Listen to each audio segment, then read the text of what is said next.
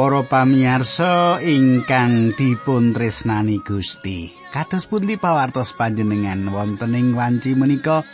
Menapa panjenengan dipun berkahi Gusti Allah? Menapa panjenengan jinangkung dening Gusti? Ah, bagas waras makaten inggih. Pandonga kula kagem panjenengan makaten sak kukuban panjenengan tansah pinayungan dening Gusti Allah ingkang murping jagat. Nah, para pamirsa kados padatan kula nderekaken panjenengan wonten ing salebetipun adicara margi utami. Kula nderekaken panjenengan sinau kayektosan ing kitab suci kita menika lan ugi nderekaken panjenengan nyemak saben kayektosan menika sasaget-saget kita terapaken wonten ing gesang kita sami. Kintenipun menapa ingkang kula andharaken ing pepanggihan menika saged wonten mupangatipun kangge gesang panjenengan sugeng midhangetaken adicara menika.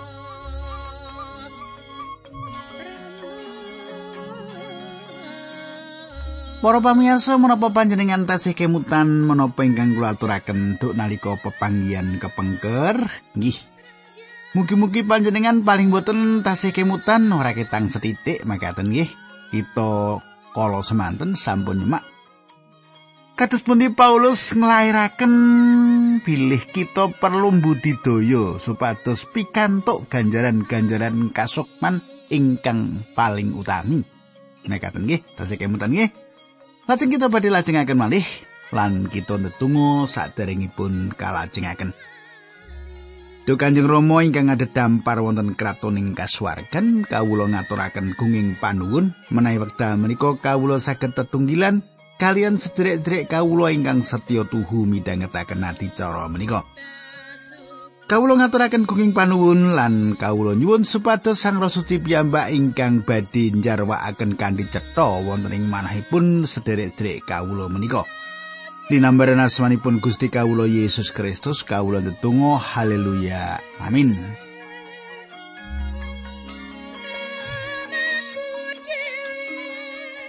Para pamirsa pasinaon kita sampun lumebet ing kitab setunggal Korintus bab 13 Pasinon kita sampun lumebet ing kitab setunggal Korintus bab 13 menawi panjenengan kagungan kitab suci panjenengan saged bikak menika setunggal Korintus bab 13 Para pamirsa pasal menika pasipun dipun westani pasal katresnan. Pasal ingkang dipun panggihaken wonten ing kitab suci kita menika. Para pamirsa kathah sederek ingkang budidaya meratelaken lan sinau saking pasal menika Tembung lomo ingkang dipun ginakaken sedaya pasal menika kedahipun dipun gantos tresno. Panjenengan boten badhe manggihaken pangertosan tresno ing salebetipun pasal menika. Budidaya nyukani pangertosan tresno sayektosipun satunggalipun panerak ingkang saestu-estu atas pasal menika. Ing wekdal panjenengan nyukani pangertosan kembang mawar, panjenengan saged maos keterangan kembang mawar ingkang dipunterangaken dening ilmu tumbuh-tumbuhan nanging pangertosan menika boten gambaraken kembang mawar kados dene ingkang kula mangertosi. Utawi menapa nate wonten tiyang ingkang gambaraken srengenge angslup dumateng panjenengan? Kulo kemutan ing satunggalipun wanci serap ing satunggalipun papan kulo ningali bulan trontong-trontong. Lelampahan menika saestu ngeteraken manah kula. Kula gadah pengajeng-ajeng saged nggambaraken dumateng panjenengan nanging boten saged pasal menika maringi kita pratelo katresnan sanes namung pangertosan kemawon. Para pamirsa, wonten tigang tembung ing basa Yunani ingkang dipun jarwakaken katresnan.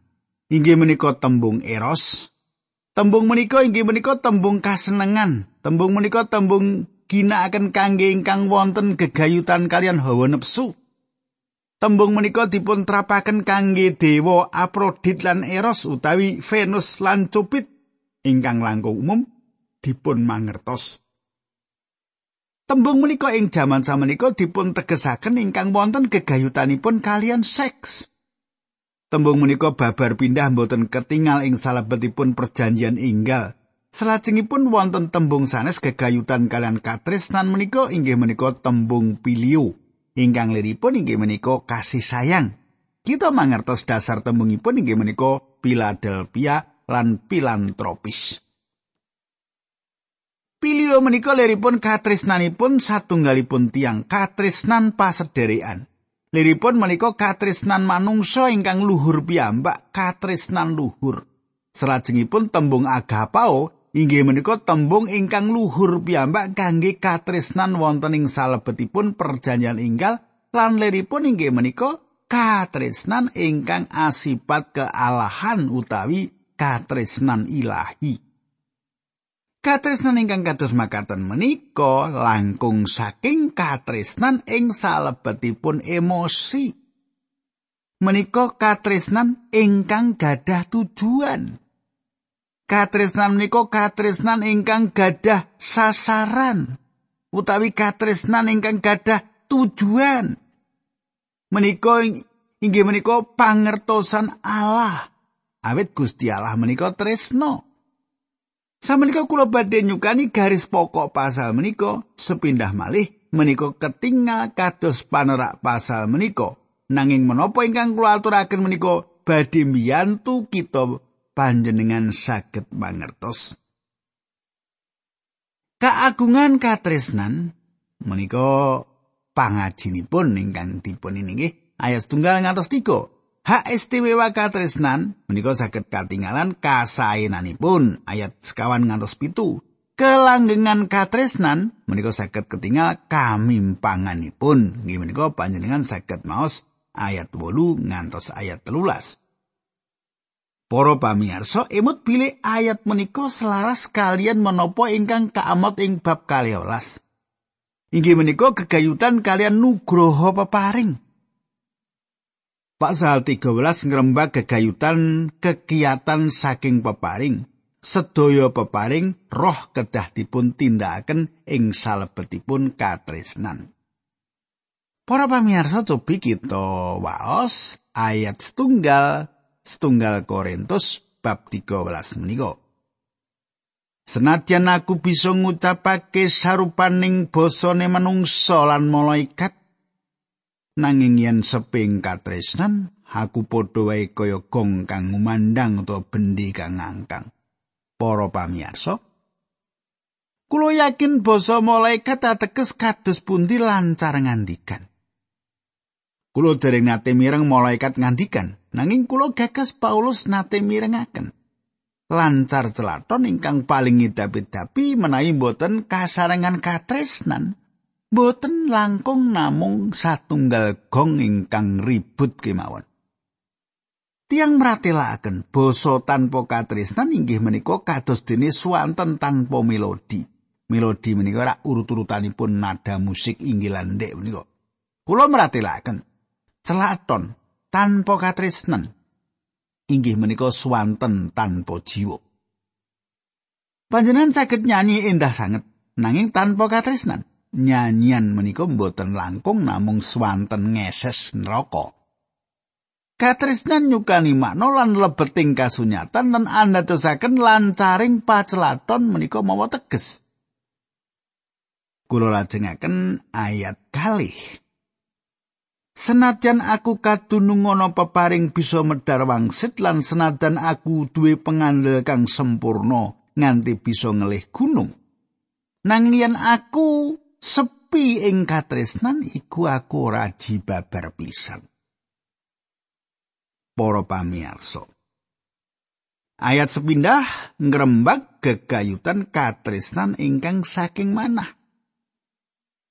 Katresnan asalipun saking pikiran, kawruh kemawon boten cekap. Katresnan kedah dipun tambahaken dumateng kawruh menika. Pangertosan kemawon boten cekap. Katresnan kedah dipun tambahaken ing pangertosan menika. Kula rumaos menika kahanan ingkang mrihatosaken saking gereja-gereja ingkang pitados kitab suci ing jaman samenika. Wonten kawruh kegayutan kitab suci lan pangertosan kegayutan kayektosan kayektosan kitab suci nanging kirang katresnan. Kados menapa gegirisinipun gereja ingkang namung gosip kemawon wontenipun. Gesang ingkang rekaos lan sesengitan kawruh kedah dipun gandhengaken kalian katresnan. Para pamirsa samenika kita lajengaken ayat 3. Lan senadan aku ndanakno sebarang darbekku kabeh malah senadan aku masrahno badanku supaya diobong nanging yen sepi ing katresnan iku ora maidai apa-apa marang aku. Para pamirsa katresnan inggih menika patrap purun lan sumadyo. Katresnan menika kalebet manah. Ayat setunggal pikiran ayat kalih lan kekajengan ayat 3. Katresnan inggih menika woh sang roh suci. Sinaosa kita saestu gadah kekajengan gadah peparing ingkang sae piyambak. Peparing menika kedah dipun tindakaken wonten ing salebetipun katresnan. Lan namung sang roh Allah ingkang saged nindakaken perkawis menika. Panjenengan katosaken perkawis lajengipun. panjenengan serat pangrupaka tembung ajining nol. Nggih, panjenengan serat pangrupaka tembung ajinipun nol. Lancar celaton ajinipun nol. Pamedar wangsit inggih nol. Kawruh kemawon inggih nol. Iman kemawon inggih nol. Pangorbanan kemawon inggih nol. Pejah krana iman kemawon inggih nol ajinipun. enem nol tasih mboten nambahaken menapa-menapa copi panjang lebetaken angka setunggal ing sisa pangrupaka tembung menika pramila saben nol dados satunggalipun ingkang maidai katresnan inggih menika satunggalipun ingkang kedatipun tambahaken ing saben peparing roh menika ingkang kula kajengaken nggih iso kae mukjizat ning kudu kinantenan katresnan. Duwe iman kudu kinantenan katresnan.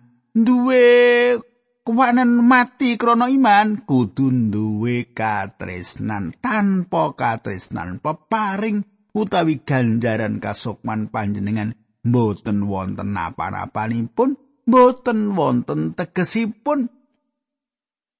Kita lajengaken ayat sekawan Katresnan menika sabar, katresnan menika lomo, ora kumeren, ora gumunggung lan kumentus.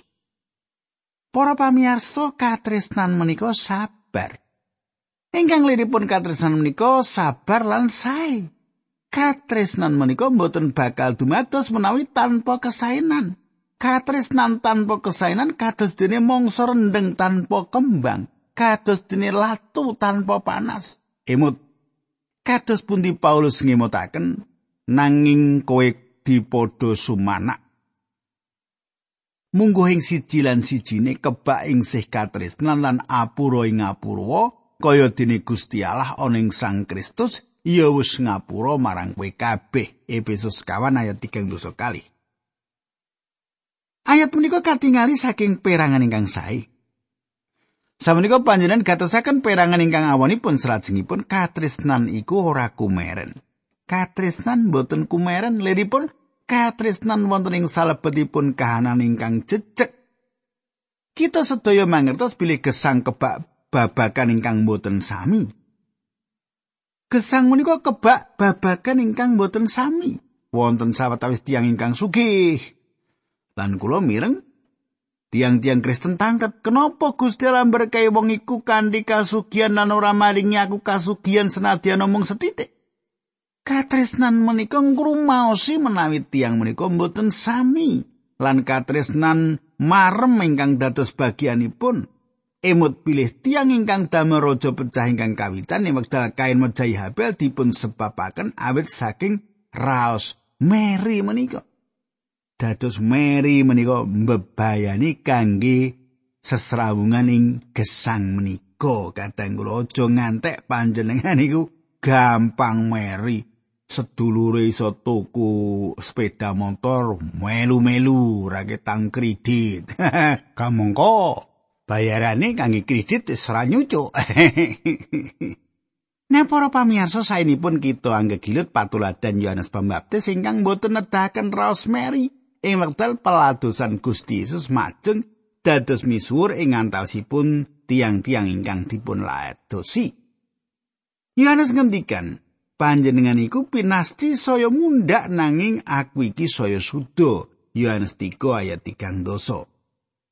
Ing wedal kita nimbang bilih saben kita gadah bagian ingkang benten ing gesang, lan saben kita gadah pelatusan ingkang benten konjuk Gusti, kita kedan nimbang pangandikanipun Gusti piyambak ing wekdal ngendikan dumateng Petrus. Saupama ndak karepake supaya iku tetep urip nganti sak tekaku iku rak dudu perkaramu, nanging kowe melu aku Yohanes likur ayat kali likur. Bakon sanjang pilih kumaren inggih menika sih katresnan ingkang reget lan katresnan mengkono kan elek dhewe ing samu bareng.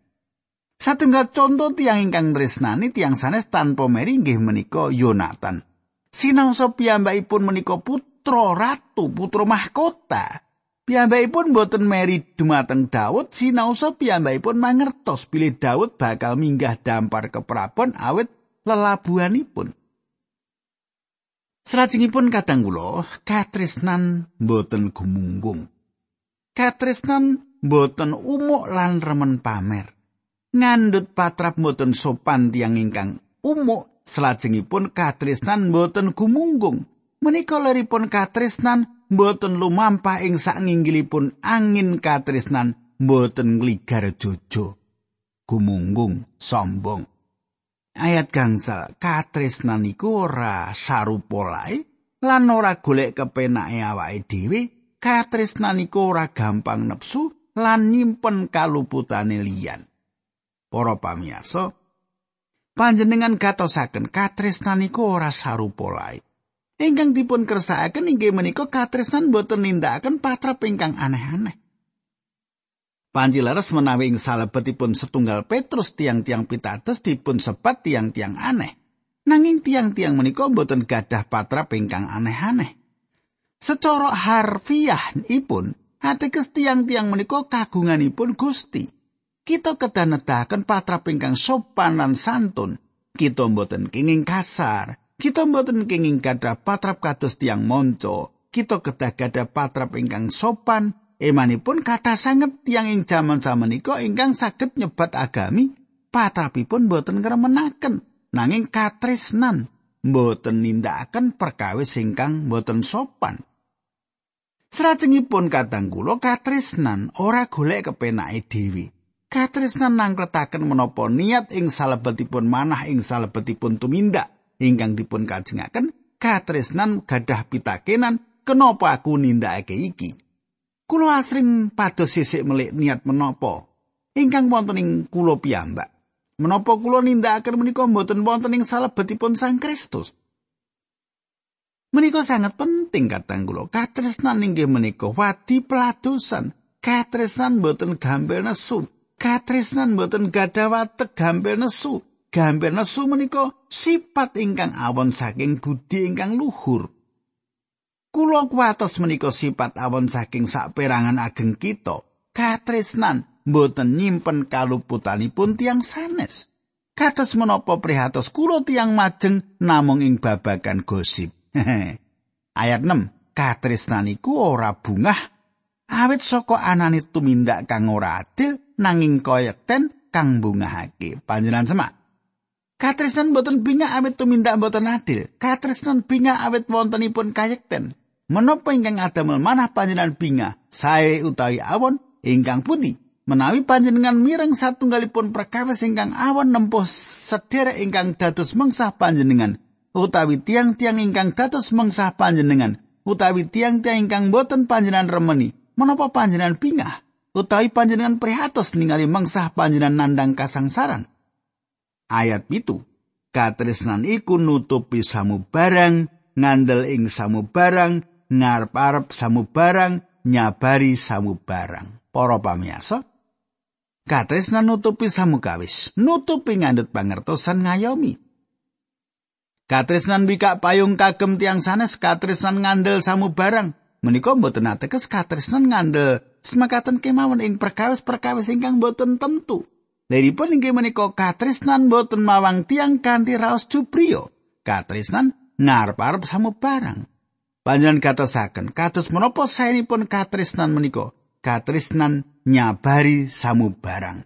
Katresnan tetep kiyat ing salebetipun pendadaran. Kita sinau saking sedayanipun menika bilih katresnan inggih menika boten ketingal. Nanging katresnan boten sadangunipun boten ketingal. Katresnan dipun carwakaken ing salebetipun gesang lan tumindak. Katresnan nglairaken ing wujud kesabaran ing salebetipun kesainan tanpa kumeren, tanpa gumunggung. Kita lajengaken ayat 8. Katresnan iku ora ana enteke, pamedar wangsit iku bakal ana pungkasane, basa roh bakal sigek, kawruh bakal sirna. Panjenengan tingali katresnan boten wonten terasipun. Inggih menika jalaranipun kenging menapa ing pungkasan pasal menika dipun serat dadine kari telung perkara iki yaiku pracaya pangarep lan katresnan. nanging kang pinunjul dhewe ing antarane iku ya iku katresnan. Katresnan langgeng, katresnan boten ewah gingsir. Para pamirsa, katresnan boten saged pecah.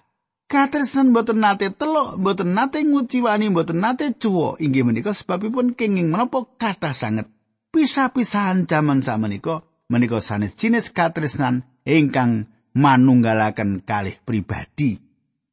Katresnan menika langgeng. Katresnan Allah inggih menika katresnan langgeng. Kados menapa ngidap-idapinipun. Katresnanipun Gusti mboten winates lan katresnan menika ngantos kelanggengan. Sang Kristus mboten nate mandek anggenipun tresnani. Panjenengan mboten saged menapa-menapa kangge ngendhekaken anggenipun tresnani Gusti. Mboten wonten tiang dosa ingkang nindakaken dosa ingkang mboten saged dipunapunten. Saged panjenengan samenika dereng pitados dumateng Gusti. nanging panjenengan perso pilih Gusti menika tresnani panjenengan.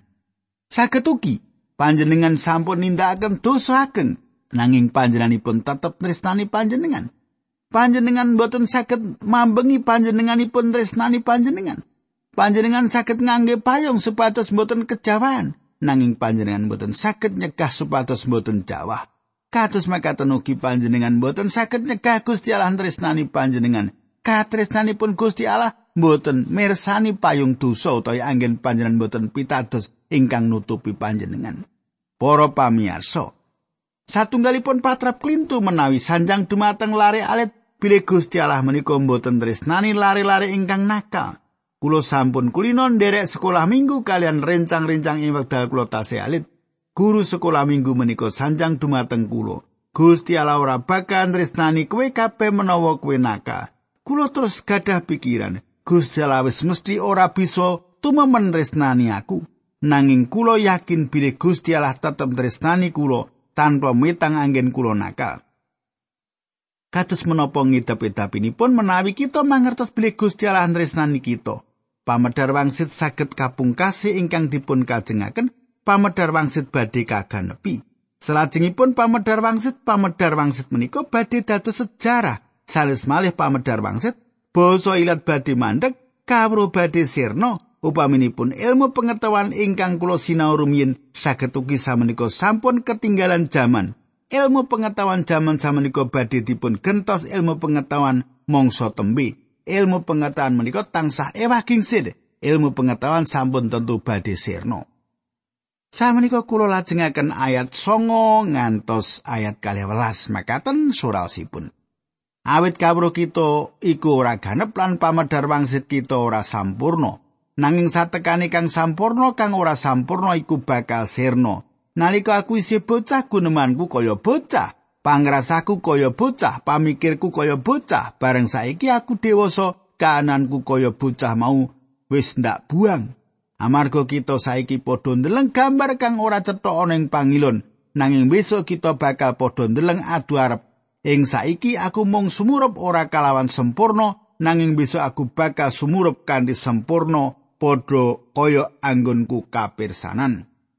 Para pamirsa, kathah sanget tiang ingkang tanglet, apa aku bisa ketemu karo wong-wong sing ndak tresnani ing swarga mengko? Jawabanipun inggih menika sampun tentu. Menapa bukti manut kitab suci? Awit saiki kita ndeleng ing sajroning pangilon sawijining gambaran kang ora cetha. Panjenengan dereng nate ningali kula. saged ugi panjenengan gadah pikiran pilih panjenengan nate ningali kula nanging menapa panjenengan ningali inggih menika setelan rasukan kanthi sirah lan tangan kalih medal saking rasukan menika. Panjenengan dereng saestu-estu ningali kula lan kula dereng saestu-estu ningali panjenengan. Awit kita namung ningali ing salebetipun pangilon satunggalipun gambaran ingkang samar nanging mangke kita badhe ningali abenajeng. Samenika kula mangertos namung sak perangan nanging mangke kula tepang malah kula ugi badhe tepang. Satunggalipun sederek nyuwun pirsa dumateng abdi Gusti. Menapa manut panjenengan kita saged tepang tiang-tiang kang kita sing swarga? Abdi Gusti kula paring wangsulan, kula mboten purun dados langkung bodho ing swarga ketimbang ing mriki lan kula tepang tiang-tiang ingkang kula tresnani ing mriki. Samenika ayat 13. Dadine kari tulung perkara iki yaiku percaya pangarep-arep lan katresnan nanging kang pinunjul dhewe ing antarané iku yaiku katresnan. Para pamirsa sedaya pengajeng-ajeng kita badhe dipun nyatakaken. Mboten badhe wonten malih pengajeng-ajeng dados pengajeng-ajeng tentu ical. Pitados menika ing satunggalipun wekdal mangke mboten dipun betahaken. Nanging katresnan badhe tetep kantun ingkang ageng piyambak ing antasipun inggih menika katresnan. iman pengajeng-ajeng lan katresnan inggih menika tembung-tembung ingkang agung ing salebetipun tembung tiang Kristen. Ing salebetipun pasal menika Paulus mboten nyetakaken tembung ingkang mboten katingali inggih menika katresnan. Paulus nerat sejarah gesang Gusti Yesus wonten ing serat kekayutan panjenenganipun. Padha kaya tile panjenengan anggone tansah ngasi marang para kagungane kang ana ing donya, mengkono uga saiki panjenengane anggone ngasi iku nganti temeka ing wekasani. Yohanes telulas ayat tunggal. Katresnan Gusti Yesus inggih menika katresnan ingkang langgeng Gusti Yesus Kristus mboten badhe nate mandek nresnani panjenengan. Monggo kita tumungkul kita ndedonga. Kanjeng Rama ing swarga matur nuwun sanget Gusti berkahi adicara menika lan kawula nyuwun paduka berkahi sanak kadang kawula menika. Amin.